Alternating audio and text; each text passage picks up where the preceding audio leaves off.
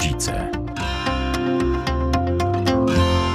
Wprawdzie w kalendarzu dopiero 22 dzień listopada, ale kiedy mówimy o kampaniach przygotowujących nas do szczególnych w tym roku także świąt Bożego Narodzenia, to dobrze jest podjąć właśnie ten temat wcześniej.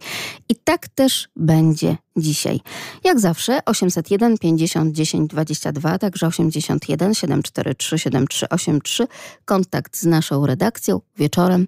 To zawsze takie troszkę bardziej intymniejsze radiowe rozmowy, zwłaszcza, że dzisiaj mamy również szczególnych gości specjalnie dla Państwa.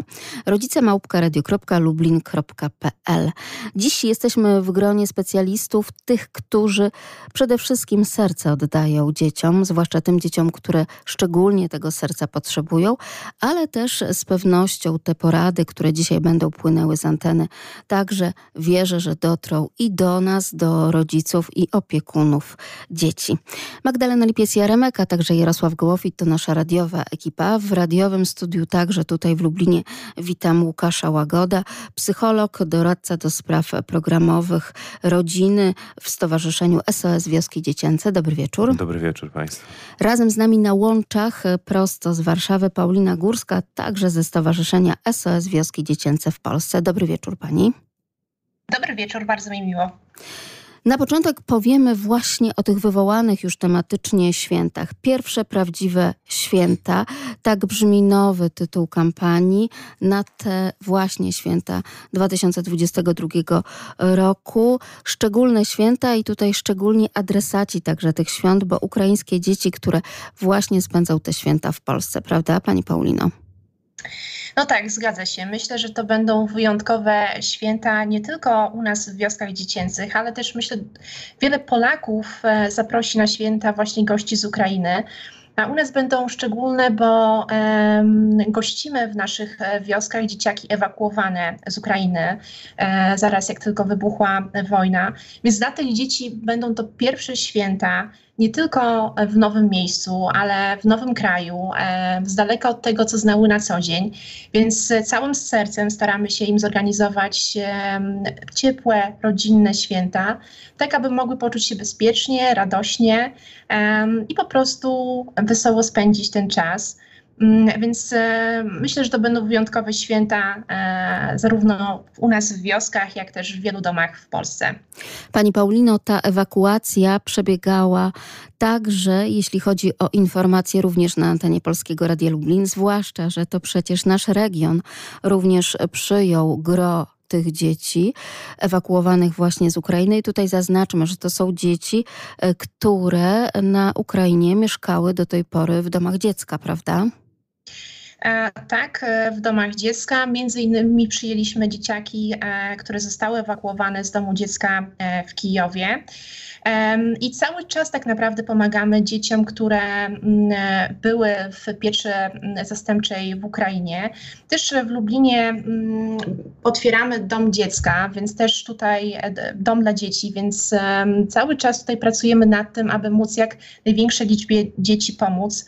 Mm, więc cały czas staramy się pomagać, e, ale żeby pomagać, oczywiście cały czas mm, potrzebujemy też wsparcia. Stąd też tutaj ten apel podczas naszej kampanii świątecznej. Pierwsze prawdziwe święta z pewnością już będziemy oglądać e, także w mediach i w mediach społecznościowych i w mediach ogólnopolskich te spoty zachęcające nas do pomagania. Tak naprawdę, co możemy zrobić, żeby pomóc Państwu pomagać? Mhm. Myślę, że najprostszym sposobem, żeby dołączyć do naszej akcji świątecznej, jest po prostu wejść na naszą e, stronę akcji dzieci SOS.org i tam można przekazać dowolną kwotę i, i, i, swoją cegiełkę dorzucić do tego, aby te święta e, zorganizować. E, I dla osób, które są bardziej zainteresowane, może też naszą działalnością i naszą misją, na stronie opublikowaliśmy kilka historii, naszych, prawdziwych historii naszych podopiecznych, zarówno z Ukrainy, jak i z Polski, więc bardzo Państwa zachęcam, aby wejść na tę stronę, poczytać, zobaczyć, co dokładnie robimy. Mm, I, I też tak może też sercem spojrzeć na historię tych dzieci i, i po prostu e, im pomóc. To są przejmujące, bardzo wzruszające historie, ale też świadczą o tym, że Państwo poznali te dzieci, prawda? No tak, jeśli chodzi o dzieci e, ewakuowane, no to minęło już, e, już kilka miesięcy i obserwujemy, że dzieciaki no, na szczęście mają się coraz lepiej, częściej się uśmiechają, mm, mają więcej energii, żeby się bawić, a, a to jest najważniejsze, żeby po prostu dzieci były dziećmi i, i mogły się bawić i beztrosko spędzać ten czas. Mm, bo niestety, no, jeśli zobaczymy, co działo się e, w, no, w ich domach e, biologicznych i w przeszłości, no to niestety są to łamiące serca mm, historii, więc no, robimy co możemy, żeby tutaj mm, mogły odzyskiwać ten spokój i po prostu być dziećmi te święta, te pierwsze prawdziwe święta, tak jak brzmi tytuł Państwa kampanii, kampanii Stowarzyszenia SOS Wioski Dziecięce w Polsce, to być może także będą podwójne święta, bo i w tradycji prawosławnej, a także tutaj e, zgodnie z tą celebracją tradycyjnych świąt polskich, prawda? E, tak, oczywiście. No, myślę, że ten czas świąteczny, niezależnie od wyzwania, jest, e, od wyznania, jest bardzo e, szczególny, bo to myślę jest taki czas, kiedy każdy z, ma, z nas ma potrzebę po prostu e, spędzenia tego czasu w gronie osób, które są nam bliskie.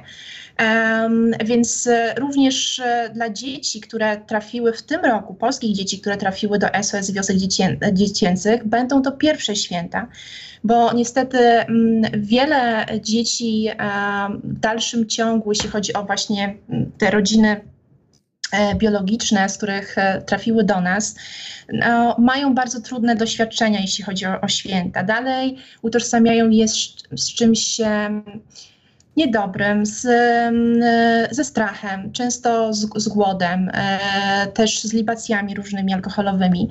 E, więc no, w dalszym ciągu niestety są dzieci, które no, w takich warunkach spędzają święta i tym bardziej tutaj staramy się tym dzieciakom e, pokazać, jak mogą wyglądać prawdziwe święta z choinką, e, ze śpiewaniem kolęd, e, z tymi wszystkimi potrawami, które mamy SOS przygotowują. Mm, więc e, jak tylko możemy, staramy się, by te święta były jak najbardziej rodzinne, ciepłe e, i żeby wywołały uśmiech na, na buźkach dzieci. No i tak jak wiadomo, jak zawsze na to także potrzeba funduszy, także teraz w tych trudniejszych w porównaniu do lat minionych czasach, prawda? I stąd też te państwa apele, my te apele również będziemy powtarzać tutaj w Polskim Radiu Lublin, zwłaszcza, że to przecież na nas też troszeczkę tak spływa taka odpowiedzialność chociażby za ten dom dla dzieci, który powstaje w Lublinie, prawda? Który się kształtuje i tworzy. E, tak, no, e, dom cały czas się tworzy. Z tego co wiem, już e, m, kilka dni temu wprowadziły się pierwsze dzieciaki. No, na ten moment niestety nie mogę jeszcze więcej powiedzieć, bo cały czas e, prace, prace trwają, ale myślę, że już może przy okazji następnej audycji będziemy mogli już więcej Państwu opowiedzieć, e, jak to wszystko wygląda i, i, i bliżej tutaj wszystko Państwu przedstawić. A że są to wszędzie, w całym Stowarzyszeniu SOS Wioski Dziecięcej, po prostu w wioskach dziecięcych domy bardzo gościnne. Pamiętamy także wizytę chociażby naszego wozu transmisyjnego w Kraśniku, właśnie w wioskach dziecięcych, więc wierzymy, że i również ten dom w Lublinie będziemy mogli odwiedzić z mikrofonem i poczuć troszkę tę wspólną życiową atmosferę.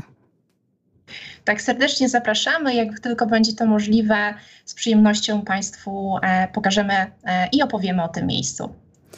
A dziś opowiadała przede wszystkim o kampanii Pierwsze Prawdziwe Święta, o kampanii Stowarzyszenia SOS Wioski Dziecięce w Polsce. Paulina Górska z tegoż właśnie stowarzyszenia. Dziękujemy za ten wstęp. Wszystkiego dobrego. Do usłyszenia. Serdecznie dziękuję.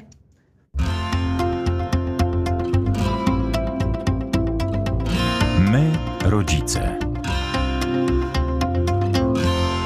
A teraz już przechodzimy do naszego gościa w studiu. Tak jak Państwu przedstawiałam, Łukasz Łagut, psycholog, również ze Stowarzyszenia SOS Wioski Dziecięce w Polsce. Razem z nami już Paulina nam tutaj zasygnalizowała chociażby tę kwestię wzrostu liczby zgłoszeń do pieczy zastępczej. Czy rzeczywiście jest to po tych latach, dwóch latach pandemii takie zauważalne? E, no to ja muszę się tutaj posłużyć cyferkami, ale ze ściągawki, chociaż te akurat statystyki bardzo dobrze pamiętam. W 21, w całym 21 roku przyjęliśmy e, nieco ponad 30, 34 dzieci bodajże, a w tym roku jest to już 65 i to jest taki stan, który Państwu podaje na koniec października bieżącego roku. No, jest jeszcze listopad, który się nie skończył, jest jeszcze grudzień, który też jest takim dosyć trudnym miesiącem e, i dość często jest, obserwujemy też wysyp zgłoszeń dzieci do pieczy zastępczej z różnych przyczyn też, ale też z takich przyczyn, z przyczyn przemocowo-ekonomicznych. W każdym razie nie traktowałbym tego tak jeden do jednego, bo nasze stowarzyszenie też się rozwija. Myśmy trochę miejsc e, w odpowiedzi na zapytania utworzyli, bo to są dwie placówki interwencyjne. E, to jest, są e, zmiany charakteru innych placówek, także też trochę rozszerzamy naszą ofertę. Stąd możemy przyjąć tych dzieciaków więcej. Właśnie o to miałam zapytać, czy dla tak poszerzającej się liczby dzieci po prostu jest miejsce? E, I to jest temat, który jest bardzo złożony, bo to nie tylko o miejsce chodzi, a przede wszystkim chodzi o ludzi, którzy się tymi dzieciakami zajmą, bo miejsce. Pamiętam te apele miejsce o by to. było, tak? Tak, to nie czy- jest problem. Czy, czy mogłabyś, czy mógłbyś się zgłosić na rodzica zastępczego, prawda? To z takimi po prostu bezpośrednimi niemalże pytaniami Państwo się zwracali do Tak, no społeczeństwa. myśmy nawet kiedyś mówili, że szukamy mamy i nadal szukamy mamy, ale szukamy taty, szukamy cioci. Także jeśli ktoś z Państwa słucha, zastanawia się nad tą e, drogą życia, którą chciałby sobie wybrać, to też zapraszam do takiego kontaktu z naszym stowarzyszeniem. My cały czas szukamy, bo cały czas dzieciaki e, potrzebujące swojego bezpiecznego dorosłego są. A, tych bezpiecznych dorosłych jak na lekarstwo ostatnimi laty. Więc nie tylko my szukamy, ale szukają też inne stowarzyszenia, inne instytucje e, i, i warto. I, I szczerze mówiąc, że ja tak jak patrzę wstecz przez ten pryzmat swoich siedmiu lat w stowarzyszeniu, przez pryzmat dzieciaków, które się pousamodzielniały, z którymi miałem okazję i wielką przyjemność pracować, e, no to to jest taka praca, gdzie rzeczywiście zostawicie Państwo kawał serca, kawał zmęczenia, ale ta satysfakcja, która później przychodzi, no jest nieoceniona, tak? I, Czy i to, jest- oznacza, że akurat dzieci właśnie, które wychodzą już z tego domu SOS Wiosek Dziecięcych, po prostu radzą sobie w życiu?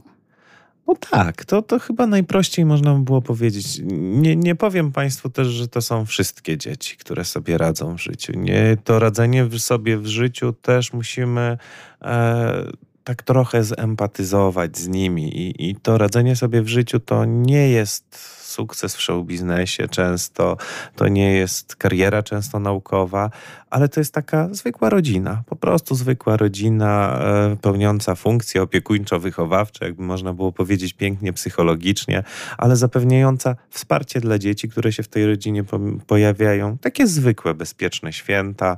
E, to jest praca chociażby leśnika, to jest praca e, fryzjerki, to jest praca wizerzystki, to jest praca piekarza i to są takie sukcesy, tak? To są e, dzieciaki, to dzieciaki, no, to są młodzi, dorośli, samodzielni ludzie, którzy radzą sobie z problemami, które napot- napotykają na drodze swojego życia. I to jest właśnie definicja tego sukcesu. Przynajmniej dla mnie, tak, że wychodzi z e, naszego stowarzyszenia dziecko, które jest w stanie sobie poradzić, zapewnić potrzeby, e, zaopiekować się swoimi potrzebami, zaopiekować się potrzebami swojej rodziny i nie, nie poddawać się e, przeciwnościom losu, które napotyka, bo każdy z nas te przeciwności na co dzień napotyka. I chodzi o to, żeby sobie po prostu z nimi radzić. To jest ta definicja samodzielności, usamodzielnienia tego sukcesu młodego człowieka, który wychodzi z wiosek.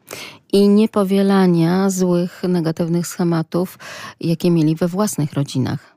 Tak, tak, bo ta lojalność rodzinna e, właśnie obserwowana w tych schematach jest bardzo silna. Często też takie pamiętam sytuacje, kiedy to e, rodzice SOS, opiekunowie bardzo mocno się frustrowali, bo oddają serce, szczególnie ci, którzy byli na początku swojej drogi.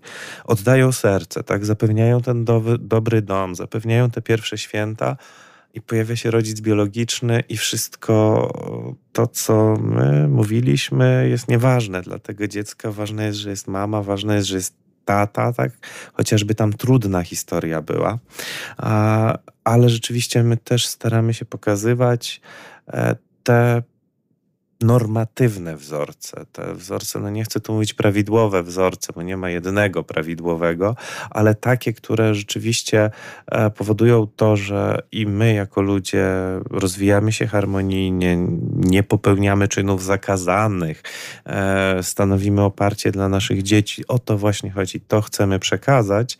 E, I myślę, że każda mama SOS, każda ciocia, każdy tata, który w tym SOS-ie jest, bo też tymi dzieciakami zajmują się małżeństwa w naszym stowarzyszeniu, to, to jest ich cel, tak? To jest ten cel, żeby pokazać taką normalność. Też tak, ja bardzo mocno mam taki slogan, misję, wizję e, stowarzyszenia w głowie, że my po prostu nie robimy tutaj nic nadzwyczajnego. My chcemy dać dziecku dom, który jest pełen miłości, dom, który jest ciepły, dom, który, do którego się chce wrócić. Bezpieczny. Bezpieczny, Też, prostu. Prawda?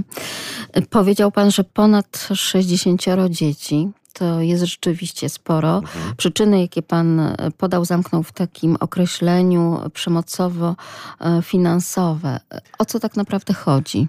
Znaczy, yy, tak patrzę przez pryzmat, yy, bo akurat o tej 65 to Państwu teraz nie powiem tak z głowy, ale bardzo często. Ale to też nawet nie, nie, nie, nie o to potrzeby. chodzi, ale to mhm. myślę, że takie uogólnienie, które, które obserwujemy, to jest e, tak zwana bezradność w sprawach opiekuńczo-wychowawczych, to się tak ładnie nazywa, e, ale to jest to właśnie niezaopiekowanie potrzebami dziecka. Tak? To, że my jako e, rodzice nie zdajemy sobie wtedy sprawy, co jest dla naszego dziecka ważne, co jest konieczne do jego rozwoju.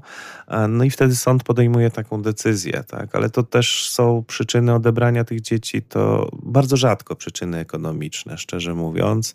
E, często się pojawiają właśnie kwestie związane z przemocą. Najczęściej fizyczną, bo ją najłatwiej złapać, najłatwiej zauważyć, zweryfikować, zweryfikować e, ale też przemoc psychiczna, też, też przemoc taka, no, no, zdarza się przemoc seksualna, prawda? Więc to też, to też są doświadczenia naszych dzieciaków. Jakbyście Państwo e, mieli katalog powodów, dla których sąd wydaje decyzję o odseparowaniu dziecka od rodziny biologicznej, to myślę, że u nas w stowarzyszeniu przy tej trzysetce dzieci, którą my mamy pod opieką, na pewno każdy ten powód jest w przynajmniej jednym przypadku, w przynajmniej u jednego dziecka zrealizowany, więc rzeczywiście mamy tutaj cały przekrój e, powodów. Bardzo często, tak jak mówię, jest to przemoc, najczęściej ta bezradność w sprawach opiekuńczo-wychowawczych, bo to pojęcie szerokie. Tutaj można zmieścić bardzo, bardzo dużo. E, no, rzadziej zdarza się, zdarzają się kwestie e, takich powodów ekonomicznych. No ja się przynajmniej ostatnimi laty nie spotkałem.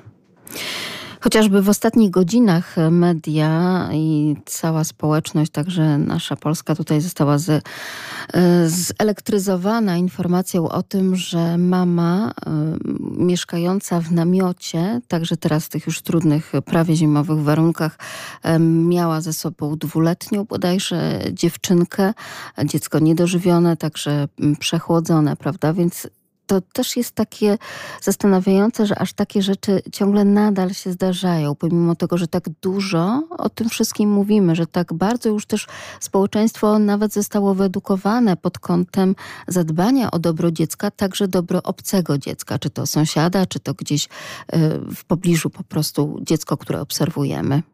Mhm, tak, ja też byłem, pamiętam, zszokowany bardzo dobrze, bardzo mocno e, kilka lat temu, e, obserwując całkiem niedaleko Warszawy, miejsce, w którym dziecko mieszkało bez podłogi, tak, na tak zwanym klepisku.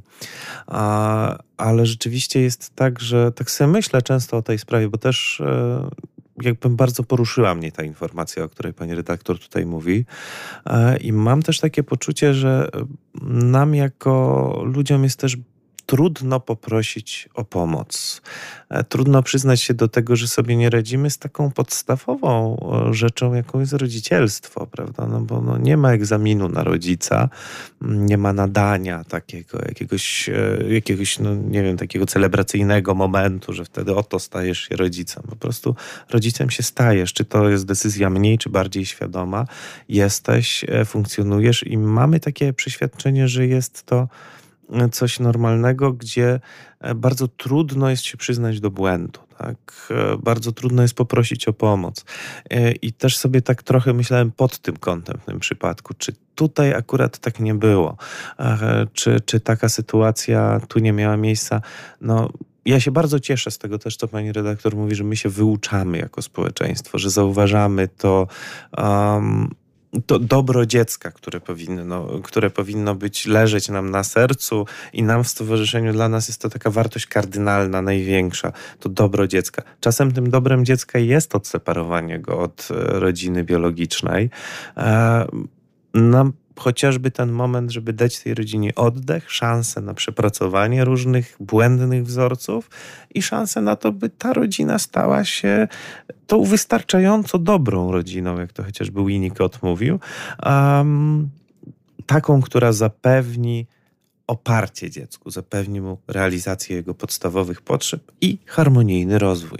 Także ta biologiczna rodzina, prawda, też jest otaczona przez Państwa Stowarzyszenie Opieką, bo przecież Pan jest e, psychologiem, także doradcą do spraw programu umacniania rodzin, czyli pomocy w takiej codzienności, prawda, żeby jednak do tych sytuacji odebrania dziecka nie dochodziło. Tak, no ja tu się zajmuję innym rozdziałem ustawy o wspieraniu rodziny i systemem pieczy zastępczej e, i rzeczywiście tak jest. Pracujemy, jest tych programów 8 w Polsce od północy kraju, myślę o Koszalinie, koło brzegu, do południa, czyli ten ustroń koło Wisły, e, kolebka polskich skoków narciarskich. E, jest to no, ponad 60 fantastycznych ludzi, którzy rzeczywiście stają na głowie, wymyślają niesamowite aktywności dla dzieci, e, e, robią niesamowite rzeczy, żeby pomóc rodzinom, uczą, jak być tym wystarczająco dobrym rodzicem, razem pomagają przejść takie trudne chwile,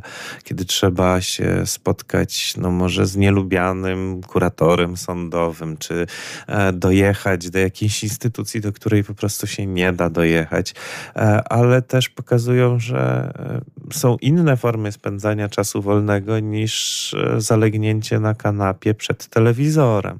I proszę sobie wyobrazić, to dla mnie jest dalej niepojęte i, i myślę, że się powtarzam na antenie Radio Lublin, e, ale jest to takie bardzo dojmujące. Tak? Mamy lokalizację, która znajduje się 27, dokładnie 27 kilometrów jest do linii brzegowej z tej wioski, o której sobie myślę. I była tam rodzina, która nie widziała morza nie dzieci, ci dorośli, którzy tam mieszkali, nie widzieli morza. E, I oni to morze zobaczyli też dzięki, nie chcę powiedzieć dzięki nam, tak, ale dzięki tym zasobom, które, e, które ktoś w nich odkrył, które ktoś im pokazał i powiedział, to jest wasza siła. Bo tutaj też pracując z rodzinami biologicznymi, my podchodzimy do, takiego, do tej rodziny z e, takim przeświadczeniem, że w każdej rodzinie jest zasób, w każdej rodzinie jest mocna strona, tylko trzeba im czasem pomóc to wydobyć. Czy zwłaszcza po tych latach pandemii, czy już takie badania również Państwo prowadzili, troszkę trudniej jest tym rodzinom? Czy wyszły też rodziny umocnione być może tymczasem? Znaczy, myśmy cały czas, e, oczywiście z zachowaniem reżimu sanitarnego, pracowali z tymi rodzinami. Na ile to było możliwe bezpośrednio, na ile to było możliwe pośrednio, za pośrednictwem właśnie mediów społecznościowych, różnych środków komunikacji na odległość. E, stawaliśmy na głowie, żeby to wszystko było zgodne z prawem i bezpieczne i jeszcze dodatkowo wzmacniające te rodziny. E, na pewno co obserwujemy to jest to, że e, dzieciaki wymagają integracji, nie? że to jest, to jest coś, co, co ja też bardzo mocno podkreślam, że te dzieci na dwa lata były wyjęte z naturalnego swojego środowiska, ze środowiska rówieśników i rzeczywiście na tym się też skupiliśmy w placówkach wsparcia dziennego, czy w naszej pracy takiej codziennej z rodzinami, na integracji, na tym, żeby te dzieciaki mogły się pocieszyć z bycia razem, z wyjścia. E, także już minimalizujemy liczbę działań online'owych, e, pośrednich, a bardziej staramy się być analogowi, pograć w gry, e, poganiać, pograć w piłkę, posiedzieć, podrabiać wspólnie lekcje. Z takich, prowadzili takie badanie, badanie było po po pierwszym lockdownie zrealizowane. No to już kawałek czasu temu, e, aczkolwiek no, tu też zauważyliśmy, że wielkim wsparciem, to jeden z wniosków tego badania, że wielkim wsparciem właśnie była relacja. Relacja z tymi pracownikami wspierającymi, e, osobami, które pomagały trochę odfiltrować treści puszczane, pokazywane w mediach, trochę pomagały odfiltrować tak zwane fake newsy. I ta relacja jest podawana jako, jako właśnie taka wsparciowa, ale rodziny zauważyły też, e, jakby powiedzieć, szersze otoczenie społeczne. To, że jest ktoś, na kogo mogą liczyć w rodzinie, to, że jest rzeczywiście jakaś sieć wsparcia społecznego wokół nich. E, więc no, strat też trochę obserwowaliśmy, ale generalnie to, co było takie bardzo e, budujące w tych wypowiedziach, bo myśmy praktycznie wszystkich, których mam, mieliśmy wtedy pod opieką, zapytali, jak im było w czasie pandemii. Okazało się, że w zdecydowanej większości przypadków, to było chyba 3 czwarte głosów, poprawiły się relacje rodzic-dziecko.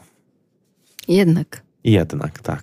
Czyli ta bliskość, te 24 godziny na dobę w tych samych pomieszczeniach, e, no przyniosła takie być może zrozumienie, może dotarcie się, prawda, na wielu płaszczyznach. Tak, to nie było też łatwe, bo to w tych wypowiedziach się pojawiało, że no, tam mieliśmy problemy, czuliśmy się trochę jak zamknięci w więzieniu, ale generalnie to zasadzie jakoś nam to lepiej idzie dogadywanie się ze sobą. Więc być może było tak też, że, że mogliśmy się spotkać w końcu, tak prawdziwie spotkać, nie widzieć się z tego przelotu e, pociągu pospiesznego, prawda? Um, Także tutaj e, wielu tych naszych beneficjentów pokazuje te takie mocne, silne strony tego bycia ze swoimi dziećmi. Ponadto też pamiętam, że, że ci badani mówili o tym, że rzeczywiście udało się lepiej zaopiekować po początkowym takim fazie, początkowej fazie dezorientacji, e, może pewnego chaosu związanego z edukacją, lepiej udało się zaopiekować systemowi edukacji tymi potrzebami poszczególnego dziecka. Więc to też taki, taki promyczek edukacyjny tam gdzieś nam z tych e, badań, badań pokazuje. No ale z drugiej strony medalu, bo zawsze to druga strona medalu jest, no to co piąta osoba miała zachwianie zachwianą sytuację zawodową. To by było albo utrata, albo redukcja etatu, albo e, jakieś postojowe, czy rzeczywiście jakieś takie mocne kwestie związane z pracą. No to jest już całkiem pokaźna grupa osób. Tak, i to jest problem, który przekłada się jak zawsze i wszędzie właśnie na te kwestie rodzinne również, ale to, o czym Pan mówi, jednak pokazuje, że ta obecność jest najważniejsza jednak e, tego rodzica, czyli coś, czego nam w takich rodzinach w codzienności po prostu brakuje. Bo tak jak pan powiedział, w tym pociągu pospiesznym po prostu my się tylko gdzieś tam mijamy, tak, pomiędzy przejściem szkoła, praca, dom i tak dalej. Tak, no tutaj można przywołać bodajże, bodajże takie głośne badania Eurostatu, gdzie tam były określone czasy rozmowy dziecko, rodzic, tak i ten ojciec z siedmioma minutami, mhm. polski ojciec. No i tak sobie wtedy też tak mocno założyłem, że już będą te moje dzieci, to rozmawiamy e, ile się da.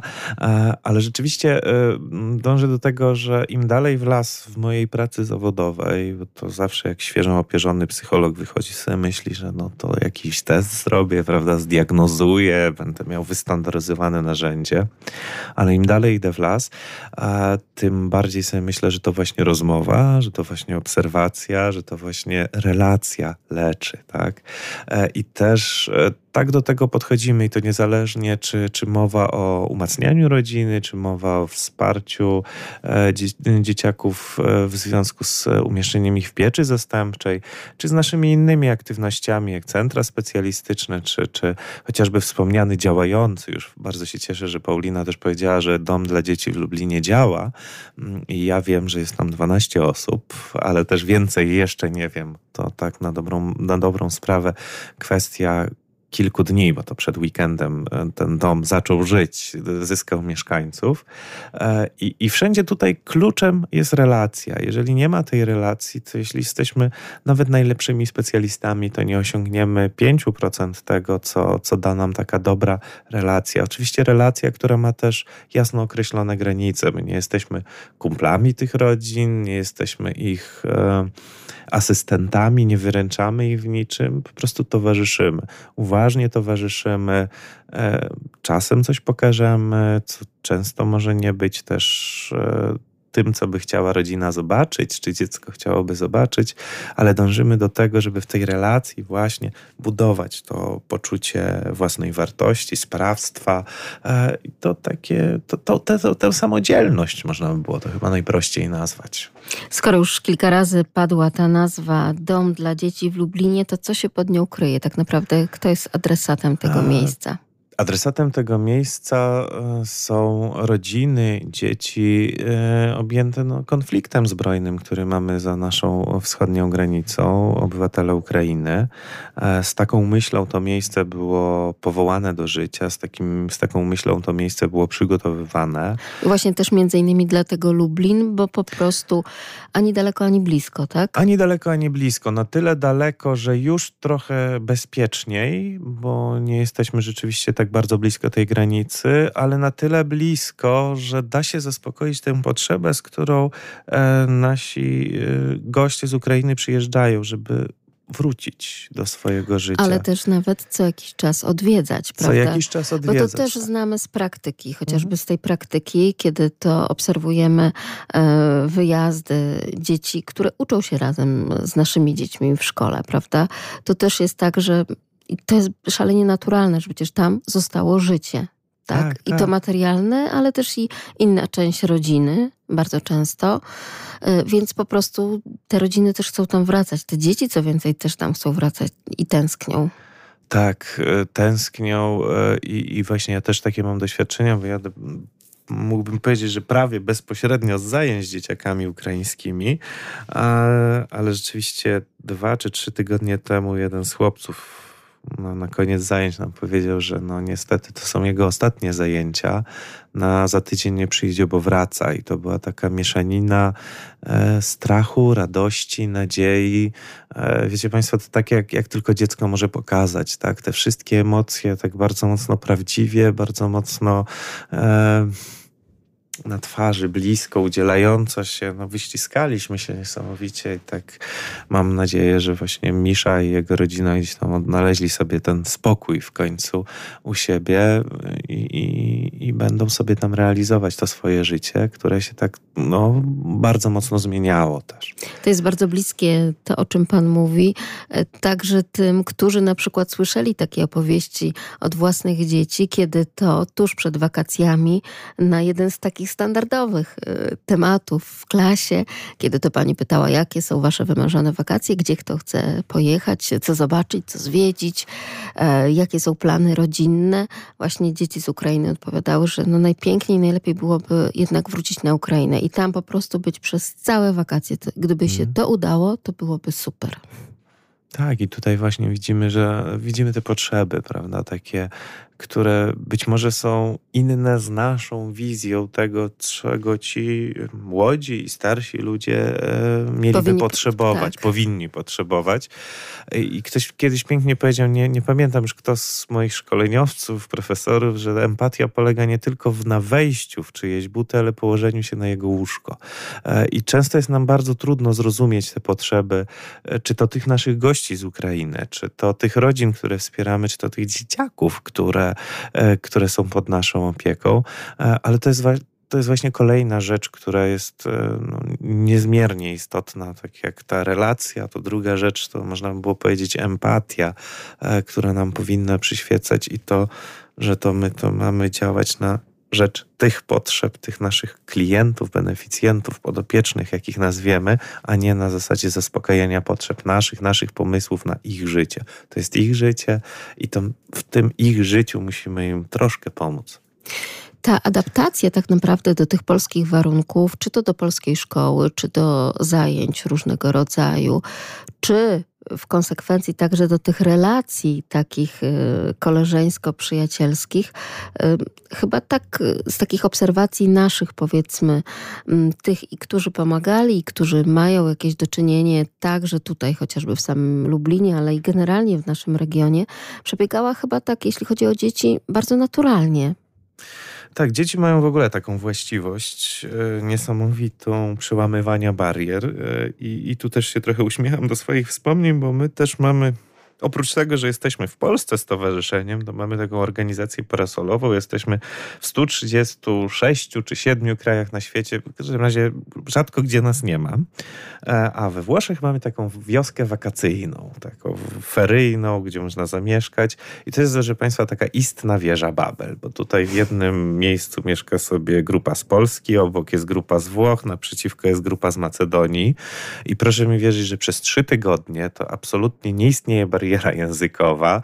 E, te dzieciaki się potrafią wspaniale e, porozumieć, potrafią sobie zorganizować czas. E, I to właśnie też obserwowałem tutaj w takim poznawaniu się dzieciaków w, tym, no, w tej naszej Polskich, rzeczywistości polsko-ukraińskiej, mhm. konfliktu, może też trudnej historii, zeszłości pewnych między dwoma narodami, które gdzieś tym dzieciakom często dorośli wtłaczają do głów, bo dzieci same przez siebie, no to widzą fajnych kolegów, którzy grają w piłkę, świetnie malują, wspaniale śpiewają, mm, są rewelacyjni w judo czy jiu-jitsu, tak? No, no, no to, to, to jest po prostu kwestia tego, że nie patrzymy przez to, że Misza jest z Ukrainy, tylko że Misza świetnie gra w piłkę, tak? No i wtedy sobie, sobie to, to e, jakoś w ten sposób racjonalizujemy. E, I, i to było dla mnie no, znaczy, nie powiem, że byłem zadziwiony. Zadziwiony to ja byłem tam parę ładnych lat temu, jak zobaczyłem rzeczywiście te e, kontakty polsko-macedońskie odbywają się bez tłumacza, bez w jakimś języku, który jest po prostu znany tylko tym młodym ludziom. A w tym momencie to kiwnąłem głową, okej, okay, nie, dzieci się dogadają bez problemu. I rzeczywiście tak było. No, pewnie nam jakieś tarcia gdzieś tam były, no bo jesteśmy tylko ludźmi i niezależnie czy jesteśmy Polakami, Ukraińcami, Niemcami, Włochami, Macedończykami, trudne słowo po 22, e, to, to rzeczywiście tam gdzieś możemy się nie zgodzić. E, ale tutaj ja mam doświadczenie, że super, tak, że to, to, to przebiegło tak w zasadzie normalnie. Także ten proces zasiadania w polskich ławkach, prawda? To, to, też e, takie było dla wielu nawet zaskakujące. Tak, to było właśnie naturalne, prawda? Po prostu przyszedł dzień, stało się. Ja mam takie doświadczenie mojego e, mega, no to się teraz ładnie mówi, wysoko wrażliwego dziecka, przedszkolaka, e, które, które to córka miała czworo, czworo kolegów z Ukrainy bodajże w grupie i to było naturalne, nie? Także to nie było niczym dziwnym. Przyszli są, bawią Przyszli się. są, no są, wiesz mamo, wiesz tato. Oni nie potrafią jeszcze mówić po polsku, ale my ich nauczymy. I trochę się nauczyliśmy po ukraińsku mówić. E, no i bardzo wzruszający moment takiego dnia mamy, dnia taty, tak połączonego, święta, gdzie rzeczywiście te dzieciaki też wystąpiły, miały tam jakiś swój kawałek, nawet, tak, tutaj duża zasługa pedagogów. Ogromna zasługa pedagogów, ogromna zasługa takiej po prostu normalności w podejściu, e, którą, o której tutaj mówię. E, I to było coś, co rzeczywiście mnie tak jeszcze w tym utwierdziło, że to jest takie całkowicie normalne. Tak jak nikt z nas nie kwestionował w lutym tego, że powinniśmy pomóc, prawda? To nie było, mm, przynajmniej w tym kręgu, w którym ja się obracam, nikt się nie zastanawiał, czy mam pójść, czy mam coś zrobić, tylko po prostu wiem, że gdzie robię i, i, gdzie idę, tak? Gdzie idę i kiedy, i kiedy się tak, mogę tam wpisać. była po prostu włączona naprawdę wszystkich. Niekoniecznie także tych e, gdzieś zrzeszonych w różnego rodzaju e, organizacjach pomocowych, prawda? Tylko tak po prostu. I też pamiętam, jak naturalnym było to, że domy tutaj, wiosek dziecięcych w naszym regionie też się po prostu otworzyły. Tak, no po prostu, no, szanowni państwo, no nie mogliśmy zrobić nic innego. No, po prostu to było pytanie nie czy, tylko ile macie miejsc. E, no to miejsca mamy, ale nie mamy łóżek. No to damy wam łóżka, tak? Więc czy nie potrzebujecie jeszcze pościeli? I to taka, to, to, tego typu rozmowa była między nami, między naszymi partnerami, którzy nas wspierają od lat, ale między tymi, którzy też pomogli w kon tym konkretnym momencie, tak? W konkretnym momencie myślę tu o firmach, myślę o osobach, e, o wielkich korporacjach, o małych firmach, o osobach prywatnych, o tych, którzy dorzucili nam złotówkę, o tych, którzy dorzucili nam dużo więcej złotówek, tak? E, I, i każda ta pomoc była ważna, tak? O tych, którzy e, rzucili wszystko i, i myślę tu o takiej pani, która po prostu Myśmy bardzo potrzebowali osób, które mówią w języku ukraińskim, nie po rosyjsku, ale po ukraińsku, bo e, nasi goście nie chcieli mówić po rosyjsku na początku e, i jest to całkiem zrozumiane, zrozumiałe. E, I pamiętam panią, którą zapoznałem na Facebooku. Okazała się filologiem polskim z Jeleniej Góry i powiedziała mi w pewnym momencie po kilku chwilach rozmowy: Będę we wtorek. E, i była z nami przez tydzień w Biłgoraju. Bardzo pozdrawiam. Może pani słyszy, e, e, ale to jest taka, taka właśnie cegiełka, która, która pokazuje, że myśmy nie potrzebowali się zastanawiać. Tak? I każda ta pomoc była na, na wagę złota. Czy to ten tydzień w wiosce, towarzyszenie tym ludziom w wielkim kryzysie, w z wieloma pytaniami. Jeszcze w tej e, pierwszej fali. W tej pierwszej strachu. fali, tak. To, to, to ja myślę o końcu lutego. Dzieci, tak. Przestraszone ja dzieci, które te mogły. zdjęcia z pogadać, całego tak. autokaru, prawda? E, tych dzieci mhm. wjeżdżających. Tak, i to też było te, to też była taka decyzja natychmiastowa, tak? Te autokary się natychmiast znalazły, te autokary były też, nie jechały, tylko nie jechał sam kierowca, ale tam była osoba, która mówi po ukraińsku, tam był psycholog, także to było rzeczywiście coś, co, e, co, co zrobiliśmy zaraz i, i, i szanowni państwo, tak na, jakbyśmy patrzyli przez pryzmat liczb, bo te liczby też dużo mówią i pokazują, e, to nam w ciągu tygodnia przybyło trzy wioski dziecięce. Tak po prostu nagle. Tak po prostu nagle. E, no i tutaj tak się pochwalę, że daliśmy radę, stanęliśmy na wysokości zadania. Część tych naszych gości wróciła, część z nami jest, część tutaj planuje zostać, część czeka na rozwój sytuacji i być może wróci. To też w zależności z którego terenu, prawda, Ukrainy Tak, tak, zdecydowanie. Zdecydowanie to, to się z tym wiąże. Mamy też gości z Kijowa, e, z domu dziecka, z, e, z przedmieść Kijowa, o których słyszeliśmy, jak zostały zniszczone. E, I, i, I, to było właśnie, to było no, karkołomne przedsięwzięcie logistyczne, ale to też bez państwa pomocy, bez pomocy osób, które nas wspierają, no nie udałoby się po prostu, by się nie udało. Pamiętam, że te początkowe sytuacje były takie dość dramatyczne, bo y, okazało się, że nie było zbyt wielu opiekunów y, tych, którzy do tej pory sprawiali pieczę, prawda, nad tymi dziećmi właśnie w tych ukraińskich domach. Tak, ale całe szczęście myśmy byli w tej szczęśliwej sytuacji, że dzieci przyjeżdżały z kimś, kogo znały. Nie mieliśmy tak, takich dzieci, które były bez opiekunów.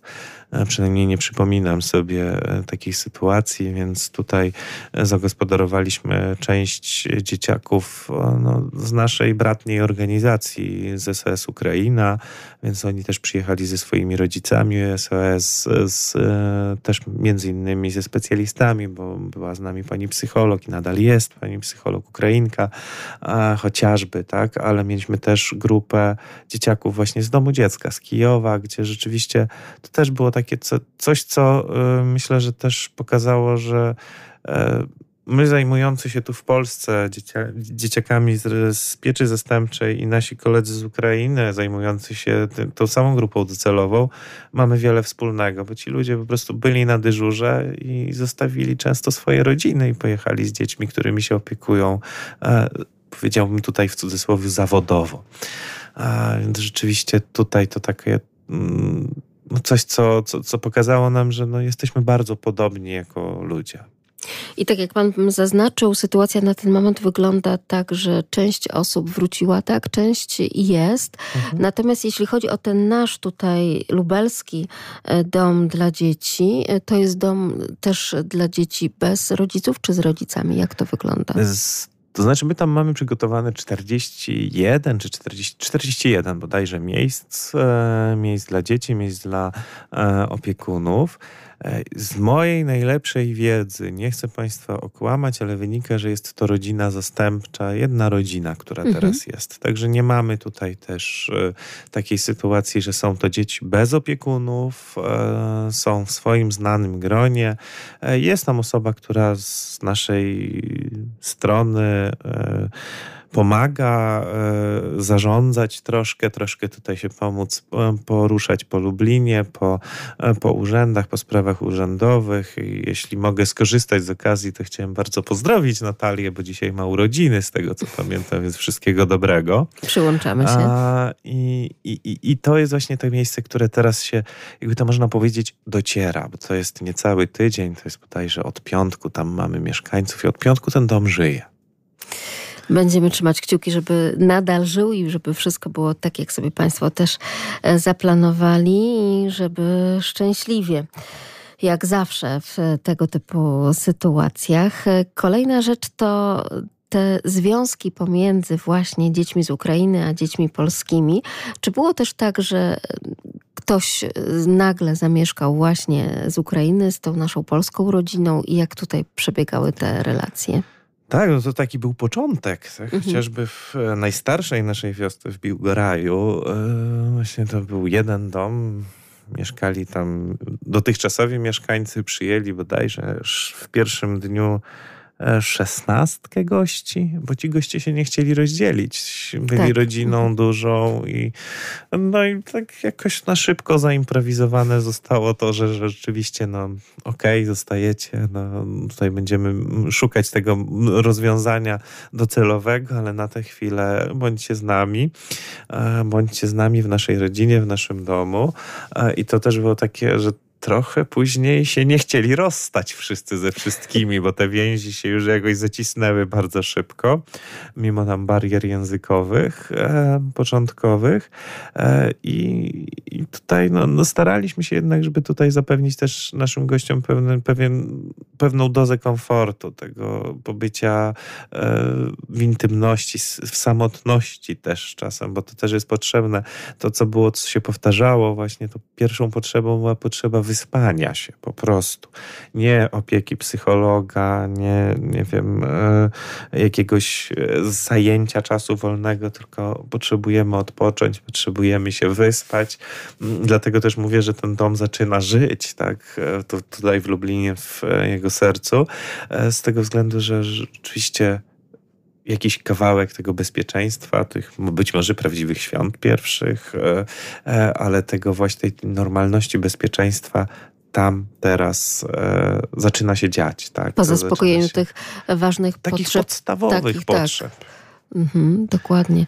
Więc ten odpoczynek, no tutaj też taka nie tylko empatia, ale też no, z taką dużą dozą czułości chyba musieliście Państwo również do tego wszystkiego podchodzić, żeby nie narzucać się za bardzo swoją obecnością. Tak, to taki trudna rzecz była, bo też no, chcieliśmy tutaj, jak wiadomo, jak każdy gospodarz powiedzieć, no tutaj mamy takie dla was atrakcje, tu takie, tu owalkie, tu jeszcze możecie zrobić to, a tu jeszcze dla was zrobimy zajęcia e, z, z, tam ze sztuk walki, tak? no bo to też było ważne dla nas, żeby jak najwięcej e, dzieciaki mogły popracować z własnym mhm. ciałem. To jest też taka fantastyczna droga do uwolnienia tych wszystkich napięć powstałych z, e, w wyniku traum, e, takich ostrych traum, jaką oni, jakie, jakie oni tak naprawdę przeżyli, jakie doświadczyli w tym momencie ewakuacji. To są takie historie, że e, są te historie, tych, jak Państwo mogliście tam, możecie też poczytać na, na naszych stronach dzieciesos.org, e,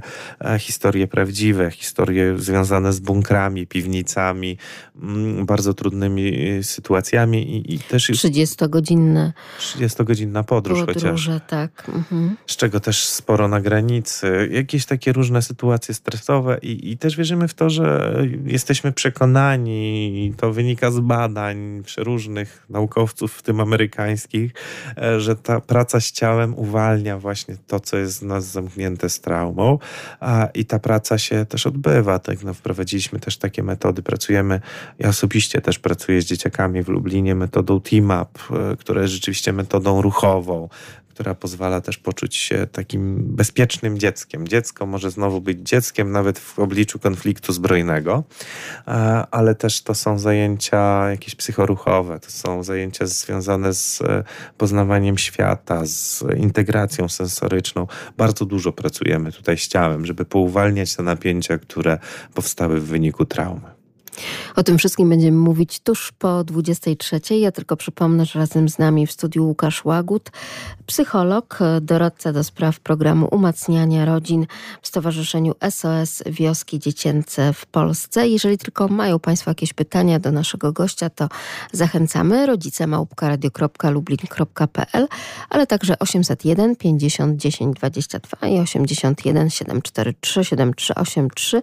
Jeszcze wiele tematów dotyczących także i tej integracji pomiędzy polskimi a ukraińskimi dziećmi i generalnie sytuacji rodzin również i w naszym kraju.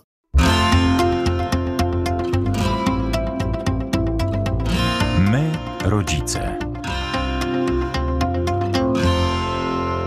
Jak to dobrze, że w tej audycji mamy gościa ze Stowarzyszenia SOS Wioski Dziecięce w Polsce, bo tam o tym rodzicielstwie też oczywiście sporo, tak jak i w naszym programie. Łukasz Łagut, psycholog, doradca do spraw programu umacniania rodzin właśnie w Stowarzyszeniu SOS Wioski Dziecięce.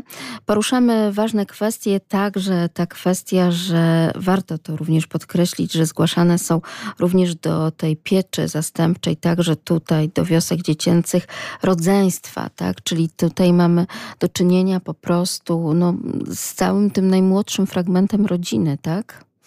Tak, no i my tych rodzeństw staramy się nie rozdzielać. To jest coś, co, co myślę, że jest wielką wartością dodaną.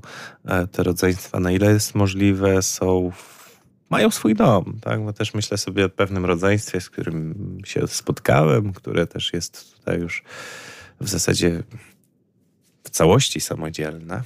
I to tak fajnie samodzielne, no to było po prostu była, była to siódemka dzieci, która była z jedną mamą e, przez cały czas. Wracały też, do, e, wracały też do tego domu te dzieciaki w takim sensie, że właśnie przy okazji świąt ten dom był otwarty.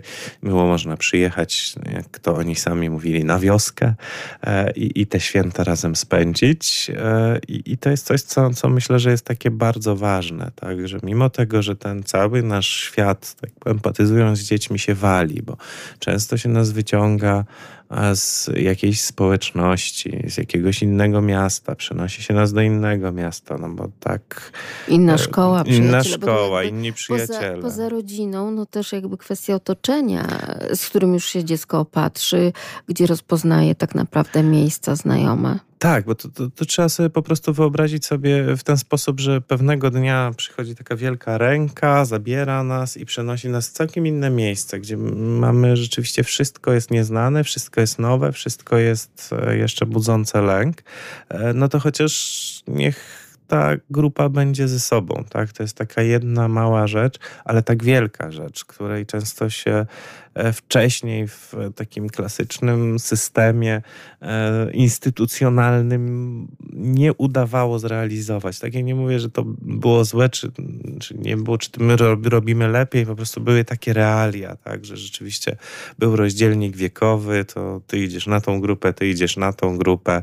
My się staramy, żeby rzeczywiście te rodzeństwa były ze sobą. A to wcale nie jest takie łatwe, prawda? Pan przywołał siódemkę dzieci, ale nawet często taką dwójkę, prawda? E, bardzo często jest znaleźć, trudno jest znaleźć miejsce dla, dla po prostu dwójki, tak? Bo akurat no, w, e, u opiekuna, który wiemy, że zająłby się, zaopiekowałby się dobrze takimi problemami dziecka, e, no mamy jedno miejsce, bo ma jeszcze inne dzieciaki, które już są, no i też e, staramy się dbać tutaj bardzo mocno o tych opiekunów, tak, bo to oni są tymi maszynami, tymi, no mówiąc brzydko, taśmami produkcyjnymi, robotami, e, narzędziami pracy, tak, my pracujemy sobą, my pracujemy swoimi emocjami, swoim ciałem, swoim, swoją psychiką, swoją wiedzą i też niektórym z nas lepiej wychodzi po prostu praca z małym dzieckiem, niektórzy lepiej sobie radzą z nastolatkami, jeszcze inni świetnie odnajdują się w pracy z takim zwanym trudnym dzieckiem, trudną młodzieżą, zagrożoną e, niedostosowaniem społecznym, demoralizacją. E, więc tutaj zawsze, jak przychodzi to zapytanie o możliwość umieszczenia u nas, to zastanawiamy się, e, gdzie byłoby najlepiej, tak? Żeby to była taka najlepsza możliwa relacja e, opiekun e, e, żeby to to dziecko naprawdę mogło maksymalnie wykorzystać potencjał tego pracownika i żeby ten pracownik mógł swój potencjał, swoje zaangażowanie przekazać na taką wymierną pomoc temu konkretnemu, indywidualnemu dziecku. Tak sobie myślę, jak bardzo tak naprawdę jest to skomplikowana praca też, e, także całego zespołu, bo nawet jeśli dostają Państwo taki arkusz, kartę z wypisanymi informacjami o dziecku, także z tym, co trudnego przeszło w ostatnim czasie, na tyle, na ile już gdzieś ci inni dorośli y, są w stanie to wszystko poznać, to tak naprawdę po drodze poznawania tego dziecka, to jeszcze bardzo wiele różnych niespodzianek można spotkać, prawda? Tak, wiele rzeczy potrafi wypaść z szafy. E, w takich sytuacjach też ja, ja bym się tu chciał przy, przy posłużyć e, takim faktem podawanym przez, przez ministerstwo e, o tym, że jak mieliśmy ponad 12, ponad 13 tysięcy dzieci umieszczonych w zeszłym roku w pieczy zastępczej. 6% e, z nich było umieszczone po raz drugi. A 1% z tych dzieci, no to tak się wydaje tylko 1%, ale 1% z 12 tysięcy to jest konkretna liczba konkretnych dzieci ze swoją historią, które po raz trzeci albo więcej niż trzy razy odwiedziło pieczę zastępczą. E, także tutaj naprawdę ten proces e, musi być bardzo, ale to bardzo e, skrupulatnie poprowadzony, tak żebyśmy e, mogli maksymalnie poznać zasoby, ograniczenia, historię dziecka, e, to często jest bardzo trudne, czasem jest nawet niemożliwe, bo, bo, bo na przykład mamy sytuację zabezpieczenia, takiego nagłego wyjęcia tego dziecka z rodziny biologicznej, wiecie Państwo, i, i po prostu stajemy przed sytuacją, że trzeba się dzieckiem zaopiekować, trzeba go. Taki tryb interwencyjny. Tryb interwencyjny, tak. Trzeba go po prostu przyjąć i zabezpieczyć. E, I wtedy mamy naprawdę mało tak? I, I, musimy to dziecko poznawać. Staramy się to robić też z wielkim taktem, profesjonalnie. To też nie jest tak, że ten opiekun jest zostawiony sam sobie, bo w wiosce dziecięcej może liczyć jeszcze na wsparcie pracownika socjalnego, pedagoga, psychologa, e, wszelkiej maści terapeutów, trenerów, logopedów. Także rzeczywiście pracujemy zespołowo i, i cały zespół pochyla się nad tym, żeby jak najlepiej wykorzystać i nasz potencjał organizacyjny, i potencjał tego dzieciaka, tak, żeby to wszystko pogodzić, pożenić i znaleźć najlepsze indywidualne rozwiązanie e, pomocowe dla tego konkretnego dziecka. Tutaj mamy cały zespół, który pomaga. Tak dużo mówi się o tym, jak wiele tych naszych polskich dzieci no, ma jakąś słabszą w ostatnich latach tę konstrukcję psychiczną, tak? Że jak wiele tych dzieci też nie radzi sobie w takim życiu społecznym, szkolnym, e, ucieka do samookaleczeń, do krzywdy robienia na własnym ciele, prawda? E, to jest też takie zastanawiające i w kontekście do tego, o czym Pan mówił w pierwszej godzinie, że tak naprawdę ten ruch i to działanie to jest coś, co powinno być dla nas dorosłych wskazówką, że to też oczyszcza z różnego rodzaju traumy. Także tej tragicznej, jaką jest wojna, ale także tej, która, no przecież tak naprawdę, czy jest miara traumy, być może dla dziecka danego e, to będzie to, że coś złego wydarzyło się w jego życiu, że coś złego wydarzyło się w jego rodzinie, że coś złego wydarzyło się i dotknęło jego rodzeństwo, prawda? To, to są tego typu rzeczy. Mhm. I Też wielu pedagogów mówi o tym, że ciężko jest teraz na przykład zachęcić dzieci do działania. E, wrzesień e, na przykład, czy też czerwiec minionego roku pokazał, że, mm, bo wszyscy tak się zastanawiali, ach, to będzie taki boom na wycieczki, prawda, że na pewno wszyscy będą chcieli wyjeżdżać, coś robić, wspólnie integrować klasę na nowo i tak dalej. A okazuje się, że nie, że niektóre osoby w klasie jednak takie wycofane i chciałby pozostać, tak? W takim układzie niekoniecznie robienia czegoś więcej niż utarty schemat e, szkolny, tak? Tak, bo to jest też właśnie ta pewna, znaczy może nie tyle pułapka, ale też dla niektórych korzyść z pandemii, no bo też my jesteśmy pięknie różni wszyscy. Niektórzy z nas potrzebują, żeby się uspokoić, potrzebują drugiego człowieka, inni potrzebują ciepłej herbaty, książki i, i zacisza.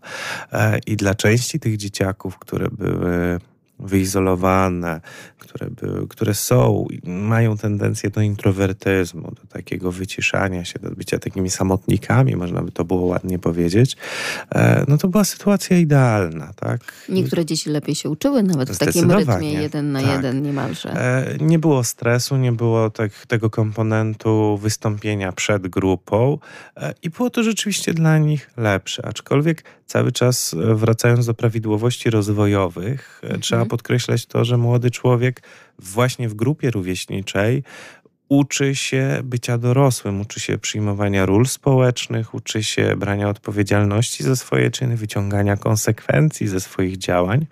E, I myślę, że naszym zadaniem jako osób dorosłych pracujących z dzieciakami jest pomaganie im e, w wytwarzaniu takich pozytywnych grup społecznych, takich grup, nie wiem, pozytywnej presji, można by było nazwać, grup wsparcia rówieśniczego. To też e, profesor Zbigniew Gaś się tym zajmuje zajmował tutaj też taki lubelski akcent i nadal się zajmuje e, wspaniałe dzieło programu rówieśniczych doradców, tak, wsparcia rówieśniczego, no bo wiadomo, że w pewnym momencie naszego życia każdy dochodzi do przeświadczenia, że jest już dorosły i że w zasadzie najlepiej to mu powiedzą przyjaciele i koledzy z klasy, szkoły, e, nie wiem, Discorda, Facebooka, aniżeli rodzice. No i fajnie, że tak dochodzimy do tego wniosku, tylko dlaczego w okolicach 15 roku życia jest to naj, naj, najmocniejszy ten moment wnioskowania.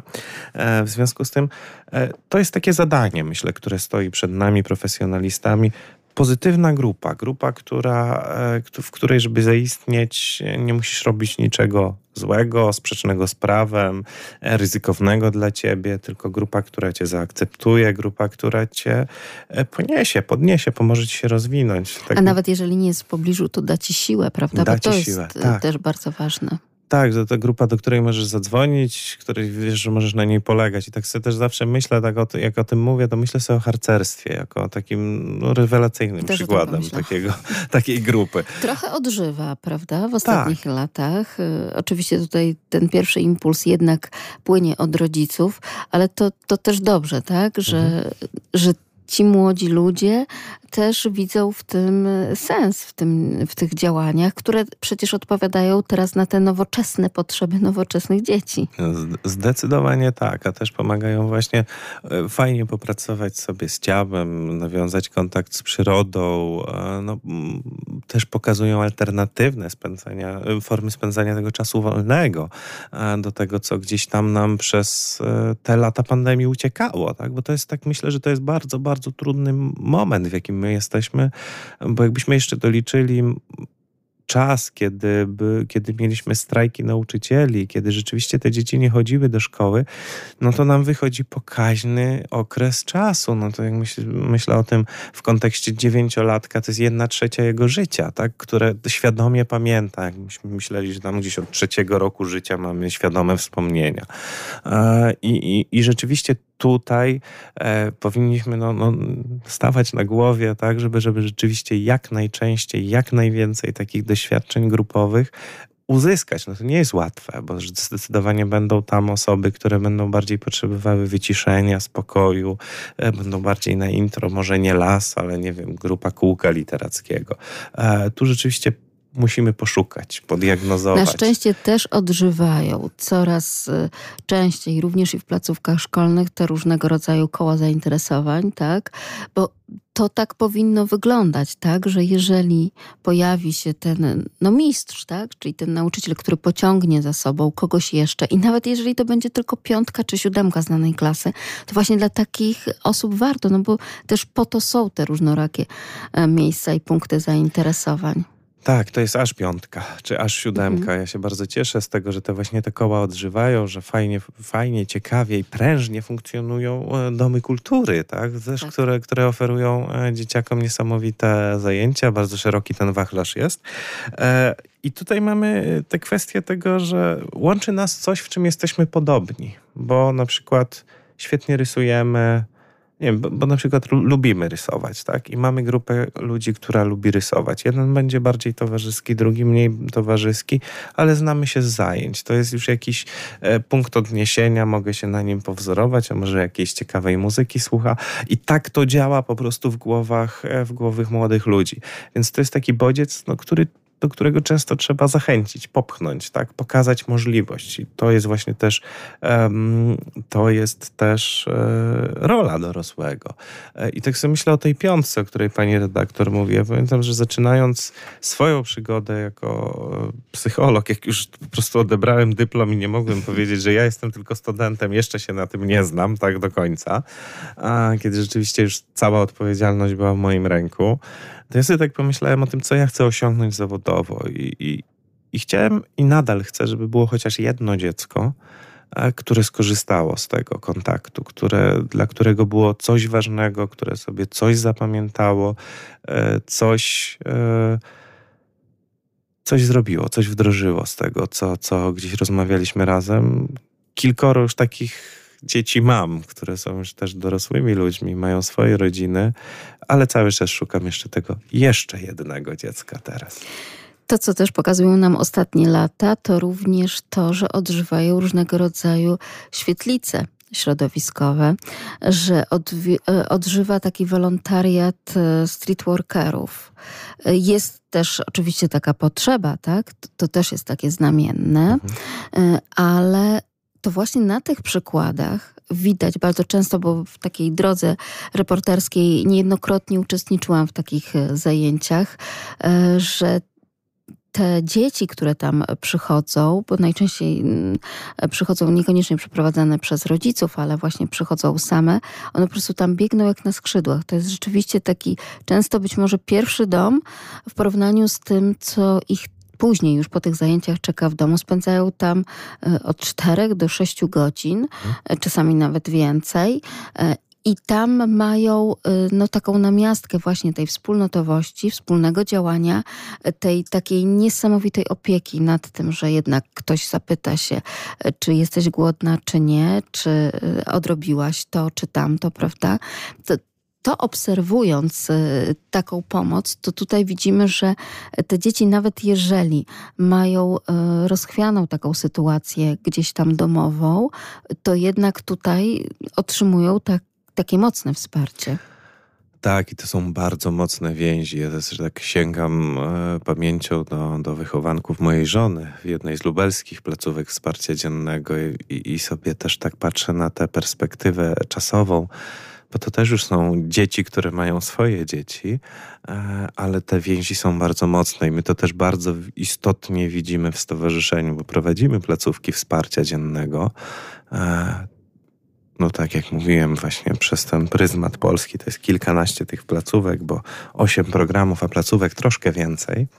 E, I jeżeli miałbym komukolwiek rekomendować w gminach, czy, bo, bo od gmin trzeba by było zacząć, czy w miastach, to nie bójmy się placówek wsparcia dziennego. To jest naprawdę miejsce, w które warto zainwestować. To jest coś, co przyniesie wymierne zyski lokalnej społeczności, bo to też takie naturalne miejsce spotkania nie tylko dzieci później, ale i, tak. i, całej, całej lokalnej społeczności. I to się przez lata przecież zmieniło. To nie jest miejsce stygmatyzujące, że a to ty teraz jeszcze idziesz do świetlicy. To jest miejsce szalenie atrakcyjne dla wszystkich dzieci, tak? Bo tam mamy otwartość na różnego rodzaju rodzaju akcje. Przecież te dzieci też tego nie powiedziałam. To nie jest tak, że one tylko i wyłącznie bezpośrednio w tym jednym miejscu, w tym budynku spędzają te 6-4 godziny, tak?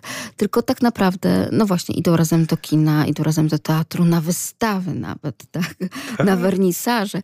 Coś, co, co nie jest takim udziałem być może codzienności nawet wielu rodzin pozytywnie funkcjonujących. Tak, bo być może no, najzwyczajniej w świecie, mając kilkoro dzieci, nie możemy sobie na to pozwolić, a rzeczywiście te... Ale też organi- i czas, możliwości. E, tak, do tego chciałem zmierzać też, że, że właśnie, że czasowo często jest ciężko sobie to za, za, zagospodarować. E, i też chciałbym tu odczarować placówkę wsparcia dziennego. To nie jest dla rodzin, e, które przeżywają problemy, to nie jest dla rodzin, które są skierowane przez kuratora, przez sąd, przez Ośrodki, ośrodek pomocy tak, społecznej. społecznej każdy człowiek, który ma dziecko, którego dziecko mieszka w tym danej, w tej danej miejscowości, w której jest placówka mm, wsparcia dziennego, czy dzielnicy, tak mi jest jakoś bliżej mówić o miejscowościach, bo my mhm. rzeczywiście realizujemy te placówki głównie w małych, lokalnych e, społecznościach, w małych gminach, e, ale w Lublinie też działamy. E, każdy z nas może powiedzieć, zastukać, powiedzieć, chciałbym, żeby moje dziecko przychodziło do świetlicy. To absolutnie nie jest stygmatyzujące. To jest świetne miejsce, gdzie można też rozwinąć swoje zainteresowania, gdzie można poćwiczyć e, taekwondo z mistrzynią świata. Uczestniczyć w konkursach i tak dalej. Uczestniczyć w konkursach, tak. Można też nawiązać jakieś współpracę e, porywalizować sportowo, bo są też takie turnieje międzyświetlicowe. E, no i miejsce, gdzie ja mam takie doświadczenie, że gdzie bym nie poszedł, to spotykam bardzo, bardzo kreatywnych ludzi, od których się bardzo dużo rzeczy uczę, jak zrobić, nie wiem, e, kurczaczki wielkanocne z wytłaczanek do jajek, e, a uczę się też podejścia do tego, jak pomóc e, edukacyjnie, jak odrobić lekcje. E, także... Ale też takie wychowanie, powiedziałabym, do życia, tak? Czyli na przykład e, kwestie tego, jak bardzo ci opiekunowie, ale też i wolontariusze starają się o to, żeby gdzieś w którymś momencie jednak jakiś posiłek się pojawił. Tak? I tutaj nie mówimy o tym, że no nie wiem, być może rzeczywiście warto byłoby zastukać do sponsora i zamówić, prawda, dietę pudełkową dla wszystkich. Nie. Oni organizują na przykład kuchenkę po to, żeby razem wspólnie upiec pizzę, po to, żeby razem wspólnie porozmawiać o tym, jak powinna wyglądać kanapka pełna witamin, tak? Że y, rzeczywiście wtedy i w grupie, i przy takim tworzeniu dzieci po prostu na przykład uczą się tego, jak y, to zdrowe żywienie ma wyglądać y, tak po prostu. Tak, i to jest szalenie istotny element. My też e, to obserwujemy i też tego pilnowaliśmy w czasie pandemii, że jeżeli nie to żywienie, bo naszym standardem jest to, że dzieci otrzymują posiłek e, w naszych świetlicach, w naszych placówkach wsparcia czy punktach konsultacyjnych i tu wielki pokłon w stronę sponsorów, tak, którzy nam to zapewniają a, i, i pomagają w tym finansowo. E, ale rzeczywiście ten posiłek to jest też takie miejsce e, nauki życia. E, tego, że ta kanapka to nie musi być chleb z keczupem, tylko i wyłącznie, że można usiąść do tego posiłku razem, że można nie pić coli, sprite'u, innego słodkiego napoju, tylko napić się wody, ewentualnie zrobić sobie herbatę. E, to jest też moment na porozmawianie o nawykach żywieniowych, o tym, jak e, się pozbyć zbędnych kalorii, jak też nie doprowadzić do tego. Bo jest taka potrzeba, prawda? Bo jest taka potrzeba, e, ale to jest też taki papierek lakmusowy na to, co dzieje się w domach tak? Bo też jak zauważyliśmy e, obecnie, to ta żywność się nie marnuje, tak? Te dzieciaki w tym momencie, no widać, że w niektórych rodzinach jest trochę trudniej finansowo, e, więc pojawiają się pytania, czy mogę zabrać, jeśli tam coś zostało, tak? To jest też taki, no, dla nas taki wielki wskaźnik, żeby zwrócić większą uwagę, zainteresować się bardziej, e, bardziej tymi kwestiami, jak widzimy takie rzeczy, e, ale no to też jest taki moment pedagogiki i psychologii w kuchni, tak jak jest ten moment przygotowywania posiłków. Jakbyście Państwo tak pomyśleli o swoim domu, gdzie to najwięcej ciekawych dyskusji się odbywa, to zazwyczaj jest to kuchnia, czy ten stół. I gdzie generalnie wszyscy się gromadzą. I gdzie się gromadzimy, i gdzie rozmawiamy, gdzie jesteśmy blisko siebie, gdzie możemy coś zrobić razem. Więc to jest też takie no, nie do przecenienia sposób na dotarcie, na zbudowanie relacji, bo tu trochę jesteśmy inaczej, nie ogranicza nas rola, nie wiem, no, trenera, e, ćwiczącego, prowadzącego warsztat, uczestnika warsztatu, tylko trochę nam się ta rola zmniejsza, trochę ta dysproporcja ról się zmniejsza, mm, trochę nadajemy na tych samych falach i, i to myślę, że jest takim bardzo dobrym momentem na nawiązywanie relacji, pogłębianie tych relacji i rozmowy o trudnych e, kwestiach. Tak, to prawda. Jednak kuchnia scala, prawda? I kiedy tutaj w pierwszej godzinie naszej audycji pani Paulina Górska, także ze Stowarzyszenia SOS Wioski Dziecięce w Polsce, mówiła o tych pierwszych prawdziwych świętach i o tym przygotowaniu również e, tych świąt, także pod względem kulinarnym, to przecież my wiemy, że e, te mamy wioskowe starają się o to, żeby to były jednak wspólne święta, tak jak w każdej rodzinie, tak? Czyli jeżeli coś razem tworzymy, to także tworzymy tworzymy to coś razem w kuchni. I to wtedy jest takie budowanie tych więzi. Tak, no święta to w ogóle jest ogromne mm, wydarzenie logistyczne w niektórych domach, bo przyjeżdżają byli podopieczni często ze swoimi dziećmi, także na przykład do tego świątecznego stołu zasiada dwadzieścia kilka osób. E, więc no możecie sobie Państwo wyobrazić, tak? I każdy tam też znajdzie miejsce. No jak rodzina. Jak rodzina, tak. No to, to są, każdy dom, e, każdy dom SOS to jest odrębna rodzina. Każdy ma inną historię, każdy ma inny wygląd, każdy ma inny zapach, tak? To po prostu tak jak... To, nic nadzwyczajnego, prawda? To normalne rodziny. Normalne rodziny, tylko trochę, trochę więcej niż średnio mamy dzieci w tych domach. E, ale, ale rzeczywiście, e, rzeczywiście te święta to jest też taki trudny moment e, w życiu dzieciaków w pieczy zastępczej.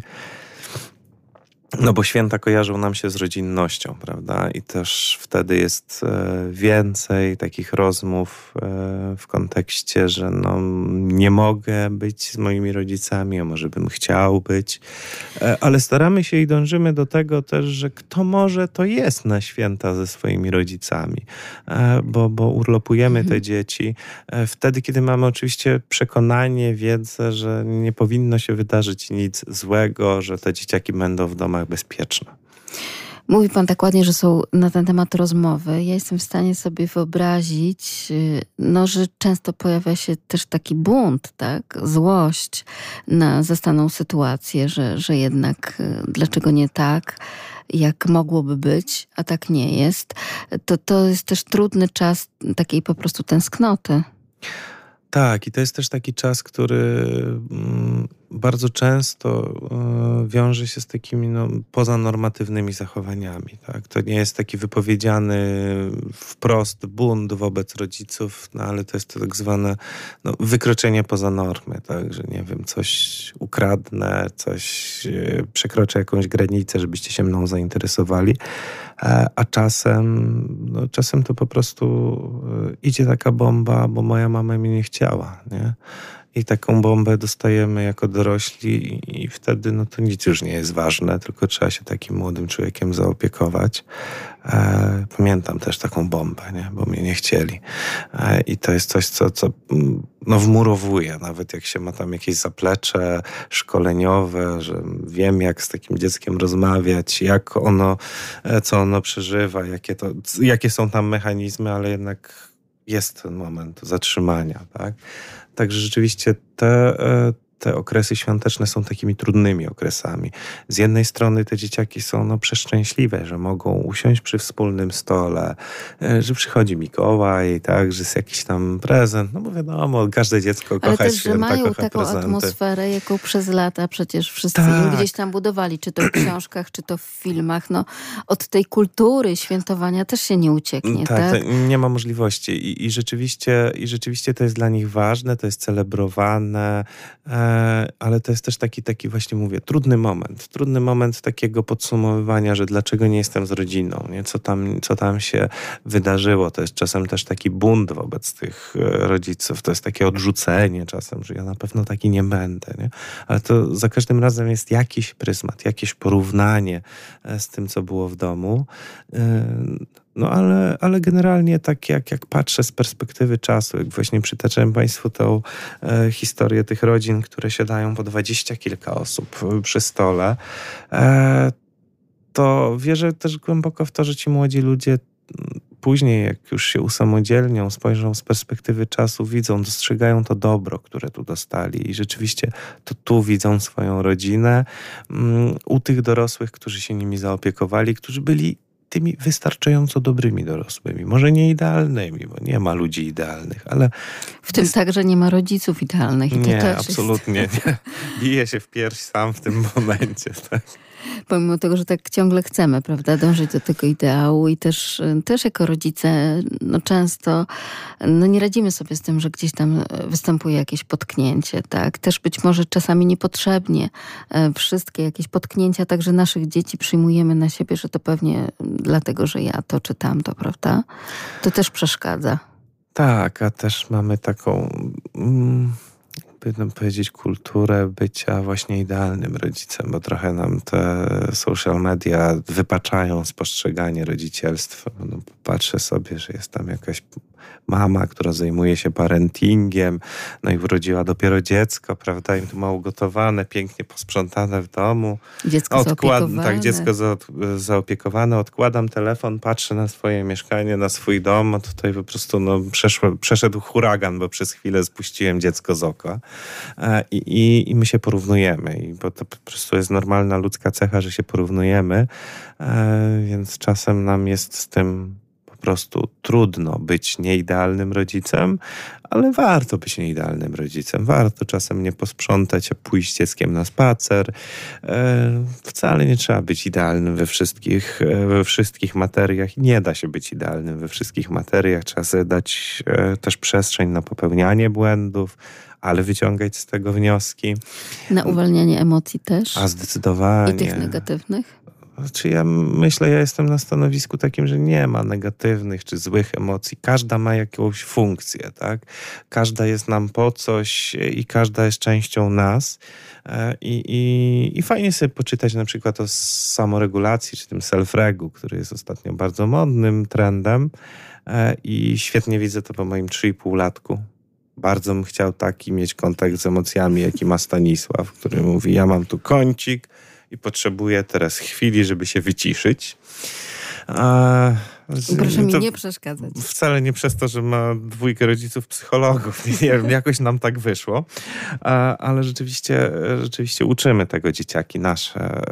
Ja mówię o swoich dzieci, dzieciach prywatnych, ale uczymy też te pracowe dzieciaki tego, żeby umiały dostrzec to, co w nich się dzieje, czy to jest to, co tam mówią że tam się pobudzamy złością, pobudzamy się, nie wiem, strachem, ale też pobudzamy się ekscytacją, żebyśmy umieli to nazwać, umieli to wyrazić tutaj teraz ładne, ładne zdanie, w sposób akceptowalny społecznie a, i umieli sobie z tym poradzić, tak? To, co jest najważniejsze, żeby nas te emocje nie zalały, żebyśmy nie działali z tego poziomu gadziego mózgu sterowanego emocjami, tylko żebyśmy mogli rzeczywiście zadziałać jak dorośle, dojrzale skory mózgowej.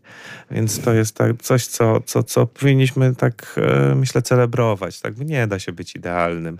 E, Coraz częściej także właśnie do tej psychologii i do terapii no, dodaje się to, że dobrze by było poznać biologicznie tak, nasze organizmy i na tym etapie, kiedy mamy do czynienia już chociażby z nastolatkami, o wiele łatwiej wtedy rodzicom przychodzi zrozumienie tych wszystkich procesów, które zachodzą w organizmie dziecka. Zdecydowanie. Pamiętam ze swoich studiów, mm, że mówiono nam, że psychologia rozwojowa jest kluczem do wszystkiego. Wtedy kiwałem głową, myśląc o psychoterapii i tak. przyszłości swojej jako freudysty. E, a teraz rzeczywiście chylę czoła przed psychologią rozwojową. Rzeczywiście znajomość e, kwestii biologicznych, tego co się zmienia w ciele naszych dzieci, w ich funkcjonowaniu poznawczym, czy w ich funkcjonowaniu emocjonalnym, no to pozwala nam się trochę uspokoić, tak? No jak wiemy, że w nastolatkach buzują hormony i te zachowania to nie jest bezpośrednia odpowiedź na nasze zachowania, tylko jest to przepuszczone przez 100 milionów filtrów e, emocjonalno-poznawczych. Jest nam łatwiej to zrozumieć, łatwiej nam zareagować. Łatwiej nam to puścić między, tak po, pomimo uszu, tak? E, I, I rzeczywiście to jest taka taka e, wiedza, której warto nabywać. Dzisiaj w dobie internetu jest podawana na wielu stronach bardzo strawnie, w bardzo przystępny sposób, za pośrednictwem infografik. E, I, i myślę, że tak dobrze po to sięgnąć. Wtedy, jak zrozumiemy, jak pomyślimy jeszcze przez pryzmat zadań rozwojowych, bo na każdym etapie naszego życia mamy mieli jakieś zadanie postawione nam przez e, czy absolut, czy matkę naturę, w zależności jak kto e, na to patrzy, e, to coś musimy osiągnąć. Tak? I to też warto sobie poznać, bo, bo wtedy łatwiej zrozumieć zachowanie. I od tego też wychodzimy, jeżeli zrozumiemy, potrafimy E, podziałać, potrafimy pomóc, potrafimy wesprzeć. Ale też tak jak słyszeliśmy chociażby w serwisie informacyjnym tuż po 22, e, coraz bardziej te wszystkie narzędzia, także systemowe, także poprzez kolejne ustawy powstają, prawda? Czyli mamy tutaj do czynienia już z kolejnymi e, kwestiami związanymi z ochroną także tej rodziny, także tych najsłabszych ogniw, czyli no właśnie dziecka na przykład w rodzinie takiej, która gdzieś dziecko, które po prostu mm, doświadcza tej przemocy rodzicielskiej, prawda, na różnej płaszczyźnie, czy to fizycznej, czy to psychicznej, te normy są potrzebne, prawda? I ciągłe jakby mm, mówienie o tym, ale też także państwa jako różnych organizacji, w tym również i wiosek dziecięcych SOS, no lobbowanie, prawda, na ten temat, żeby jednak tymi rzeczami się zajmować. Tak, my cały czas działamy rzeczniczo na, na rzecz, e, rzeczniczo na rzecz, e, rzeczniczo no, w interesie tych dzieciaków, w tym, żeby rzeczywiście to dobro dziecka było kardynalnym dobrem dla nas, bo, bo, dziecko nie potrafi się e, często obronić. Myślę tu i o tych starszych dzieciach, ale i o tych, przede wszystkim o tych młodych, e, małych dzieciach. E, I to dorośli są odpowiedzialni za rozwój, więc rzeczywiście warto mówić, warto nagłaśniać, warto no, powtarzać do znudzenia kwestie związane szczególnie z przemocą. Nie ma mowy wobec przemocy, znaczy nie ma mowy o przemocy rodzicielskiej, nie ma zgody na, to, na coś takiego tak? Klaps jest przemocą, to też trzeba bardzo mocno powiedzieć. E, I, i to mam wrażenie w naszym, w naszym społeczeństwie już całkiem dobrze się osadza. E, całkiem, e, całkiem jesteśmy tacy wrażliwi na te problemy dziecięce, na dostrzeganie tych problemów dziecka.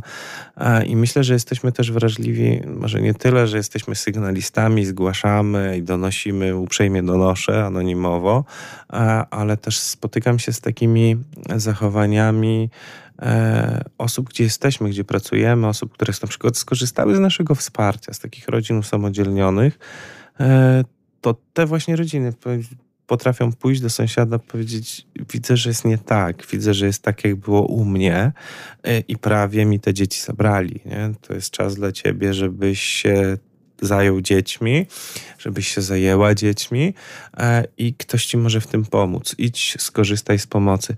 My mamy taki instrument w ustawie o wspieraniu, ustawie o wspieraniu rodziny i systemie pieczy zastępczej, e, ten instrument, myślę o rodzinach pomocowych, on nie jest tak mocno wykorzystywany. Tych rodzin jest mało, e, ale rzeczywiście tu wrócę do placówek wsparcia dziennego, bo wokół tych placówek wytwarza się też e, taka pozytywna sieć wsparcia społecznego osób, które rzeczywiście są bardzo często też w tych placówkach przeszkolone z kompetencji rodzicielskich. My to na przykład robimy, prowadzimy szkoły dla rodziców i to oni potrafią wyłapać takie te, te momenty krytyczne u sąsiadów. Nie? Coś się dzieje u znajomych idź, zapytaj, pomóż, e, daj sobie pomóc, tak? E, więc to e, bardzo się cieszę też, z radością usłyszałem to akurat w serwisie, w serwisie informacyjnym, że kolejna zmiana, kolejna nowelizacja się nam szykuje i, i wszystko, co ma pomóc rodzinie, wszystko, co ma pomóc dzieciom w sposób systemowy jest dobre, bo jeżeli my jako organizacje, instytucje dostaniemy lepsze ramy, y, które umożliwią nam lepszą pracę z rodziną, my możemy lepiej działać w świetle i w duchu prawa. Mhm. Ten klaps wspomniany przez Pana, jakby coraz częściej zaczynamy na szczęście myśleć o tym, że często jest tylko takim pierwszym e, przyczynkiem do tego, że potem może się niestety stopniowo dziać e, po prostu gorzej. Więc to nie jest taki, ten, te mityczne rozmowy o tym, a że też gdzieś kiedyś tam e, raz czy drugi w życiu swoim dziecięcym dostałem czy dostałam, więc tutaj jakby myślimy o tym, że te rzeczy się po prostu mogą nawarstwiać. Tak, no i generalnie klaps wy, wyczerpuje definicję przemocy, a zwykle jak właśnie mam e, przyjemność rozmawiania z osobą, która mi mówi, a ja to dostałem, a jest wyrosłem na normalnego człowieka, to mówię, że kiedyś operację robiono bez znieczulenia. E, no i to jest taki prosty Proste przełożenie. Proste przełożenie tak na to. No, no rzeczywiście kiedyś wiedza e, z zakresu wychowania była inna, ona się zmieniła, nie zmieniła się z czyjegoś widzimisię, tylko zmieniła się w oparciu o badania, e, o diagnozowanie prawidłowości w społeczeństwie. Doszliśmy do tego, a nie innego wniosku. No i myślę, że nauka po prostu powinna się bronić. Klaps wyczerpuje definicję przemocy, jest przemocą i tak jak pani redaktor mówi, no, może nie zawsze prowadzi do eskalacji, ale bardzo często tak się dzieje. Tak, oby te badania i oby ta wiedza i ta nauka jednak do nas docierały, bo z tym też jest ostatnio e, trudno, tak? Tak, bardzo dużo informacji wokół nas ostatnimi czasy. I tutaj też Państwo chociażby zwracali uwagę na te fake newsy, po prostu na taką edukację, e, odczytywania tego wszystkiego, co nas zalewa. Bo to jest tym problemem, zwłaszcza u dzieci, tak, dla których też jest trudno zrozumieć, że jeżeli to słowo jest pisane i zapisane, dla starszej młodzieży, jeżeli tam jest cytat, że to amerykańscy naukowcy, prawda, to, to też im jest trudno zweryfikować, że może wcale tak nie jest. Każdy może napisać, że amerykańscy naukowcy coś powiedzieli, tak? No, amerykańscy naukowcy są mityczni po prostu. Wspaniale, bardzo lubię też, e, bardzo lubię też to określenie, ale rzeczywiście też to jest coś, co obserwujemy. To jest też takie to, e, coś, czego uczymy. To jest właśnie identyfikowanie tych wartościowych informacji, tych informacji, e, które niosą ze sobą rzeczywistą wiedzę, odsiewanie fake newsów. To bardzo było widoczne właśnie w tych początkowych etapach pandemii, kiedy pracownicy uspokajali, że każdy dostał SMS-a o tym, że ktoś ma e, wysoko postawionego wojskowego w rodzinie. Myślę, że Państwo pamiętacie taki SMS viral, który sobie krążył. E, I naprawdę bardzo dużo ludzi się przejmowało i myślało, że to tak jest, tak? No stąd też e, braki w pewnych artykułów potrzebnych na, na półkach sklepowych. Więc tego też uczymy, tak? Uczymy tego odsiewania i też uczymy tego od, od małego, tak? Bo to już też dzieciaki mają taką edukację e, związaną z zagrożeniami internetowymi, cyberprzemocą, cyberprzestrzenią. Tak, też mówi się o tym, że dobrze by było, żeby jednak te elementy nauki weszły do programu nauczania, prawda? Bo to jest taka kwintesencja teraz współczesnego życia.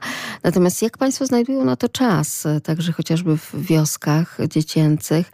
No bo tak naprawdę ta praca e, z tymi dziećmi, z Państwa dziećmi tam mieszkającymi, to jest praca 24 godziny na dobę, tak? No bo tak naprawdę poza na przykład nadrabianiem materiału związanego z nauką, poza także terapią, e, również i, i tego typu kwestie. E, chciałem powiedzieć, że nie śpimy i rozszerzamy dobę. E, nie, jesteśmy tylko ludźmi, ale jesteśmy zespołami ludzi. Rzeczywiście tutaj w kupie siła e, i siła jest jeszcze w czymś innym. Siła jest w planowaniu planujemy, bo tak e, nam ustawa nakazuje to raz, ale dwa po prostu mając pięćdziesiątkę dzieci w wiosce, czy nawet siódemkę w domu, e, bez planu się nie obejdziemy, czy bez harmonogramu. E, I też minimum dwa razy do roku spotyka się zespół specjalistów pracujących z dzieciakami, z tym konkretnym dzieckiem. Zastanawia się, jakie są jego potrzeby, jakie są jego zasoby, jakie są jego ograniczenia, co udało mu się osiągnąć, co jeszcze przed nim. Pytamy przede wszystkim tego dziecka, jakie ma plany na przyszłość, co chciałoby robić. Uwzględniamy to, uwzględniamy głos dziecka. Ta partycypacja e, dąży do tego, by to było 50 na 50 tych celów e, i planujemy te działania. Nie? Także to jest coś, co, e, co też nam pozwala zaopiekować się tymi potrzebami. Jeżeli czymś się nie możemy zaopiekować, bo się na tym nie znamy, bo nie mamy już na to przestrzeni i czasu, korzystamy też ze wsparcia osób z zewnątrz po prostu. No, mamy te możliwości, że mamy wspaniałych darczyńców, którzy zauważają też to, że nie jest najważniejszym kolejna zabawka dla tego dziecka, na przykład zajęcia językowe czy zajęcia z psychologiem i na to też dostajemy takie dedykowane środki od, od tarczyńców e, i, i po prostu też no, no, dokonujemy outsourcingu, można by było powiedzieć, tak? Czyli po prostu wspieramy się tu naszymi wspaniałymi specjalistami pracującymi z dziećmi, z rodziną, e, z, z terenu i naszego województwa. E, jeżeli trzeba, to szukamy dalej, tak? Nie ograniczamy się terenowo, bo po prostu chcemy pomóc dzieciakom. Czyli no, trochę czarujemy, przedłużamy dobę, jesteśmy świetnym, zgranym zespołem, ale przede wszystkim planujemy. Kluczowe jest to planowanie i mogłoby być przykładem dla wielu rodzin, prawda? Bo jednak taka logistyka rodzinna to jest coś, co też często kuleje i z tego rodzą się nerwy, frustracje i niemożność poradzenia sobie. Tak, tego też uczymy rodzin w e, programach umacniania rodziny, żebyśmy sobie potrafili zaplanować wydatki, potrafili sobie zaplanować plan dnia, e, bo jak się ma siódemkę dzieci w domu, to trzeba mieć plan dnia. Po prostu trzeba mieć plan dnia, bo nie można pójść na żywioł, to się nie uda. Najzwyczajniej w świecie się nie uda, bo jedna chodzi do jednej szkoły, drugie do drugiej, trzeciej, a jeszcze w międzyczasie lekarz, a jeszcze w międzyczasie telefon, a wywiadówka się nakłada, e, więc, więc rzeczywiście uczymy tego planowania, uczymy takiego podejścia, e, no, nie chcę mówić algorytmicznego, ale tego rytmu dnia, bo to też jest bardzo ważne dla dziecka. Tak? Dziecko ma takie przeświadczenie, że wie, czego się spodziewać. Teraz będą zajęcia, teraz będzie obiad, i to jest szczególnie ważne przy dzieciakach, które doświadczyły traumy, bo to jest taki pierwszy moment zdrowienia, że wiem, czego się mogę spodziewać. Mój dzień jest przewidywalny, dzięki temu czuję się bezpieczny trzeba się zakotwiczyć. To tak jak uczą y, młodych rodziców tego, że niemowlę musi mieć plan dnia, tak? Tak, najzwyczajniej w świecie to i taki rytm po prostu pomaga e, również w kojeniu tych wszystkich e, problemów i nerwów. Okazuje się, że w życiu starszym, także już kolejnych lat dorastania dziecka też to ma duże znaczenie. Siódemka dzieci to już to jest taki standard teraz, czy więcej, mniej? Jak to wygląda?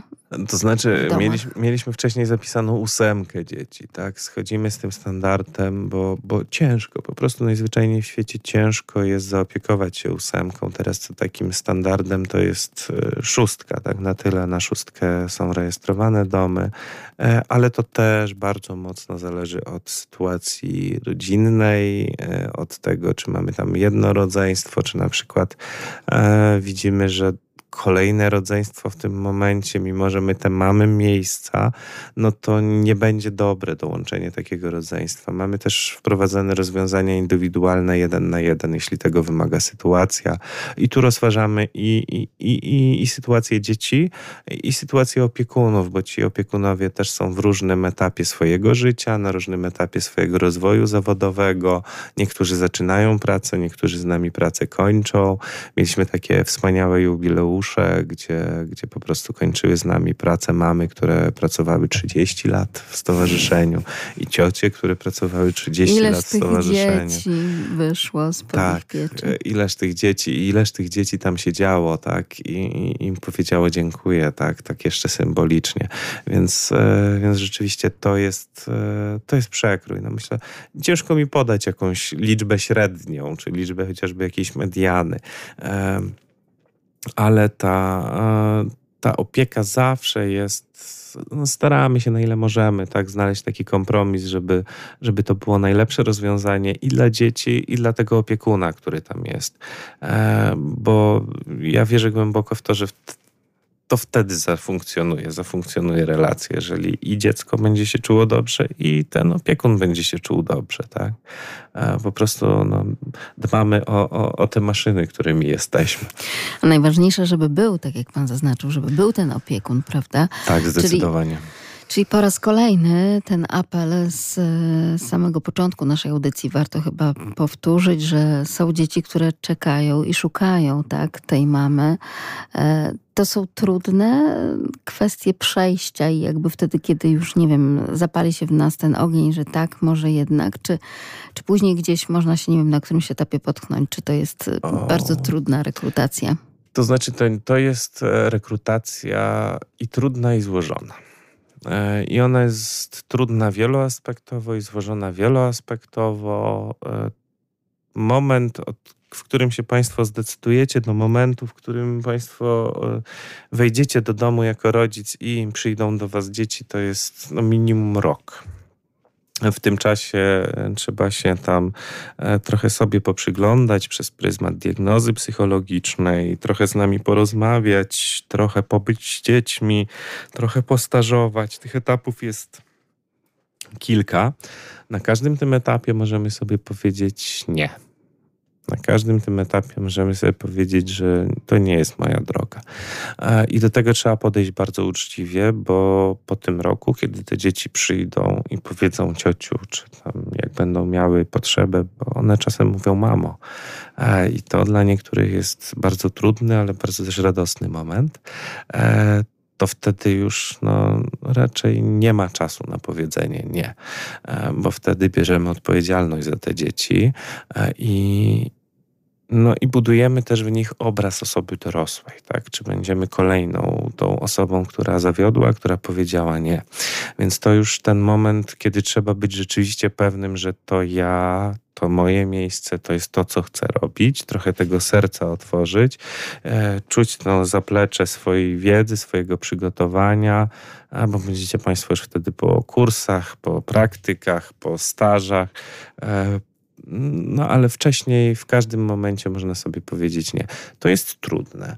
E, to jest niesamowicie satysfakcjonujące. To jest też bardzo indywidualne przeżycie i każdy dzień na pewno będzie inny ale warto się nie zrażać. Jednak zachęcamy, jeżeli ten ogień miłości do dzieci się zapali, to oczywiście polecamy. Stowarzyszenie SOS Wioski Dziecięce w Polsce, a naszym gościem był Łukasz Łagut. Bardzo dziękuję za te wyjątkowe rozmowy.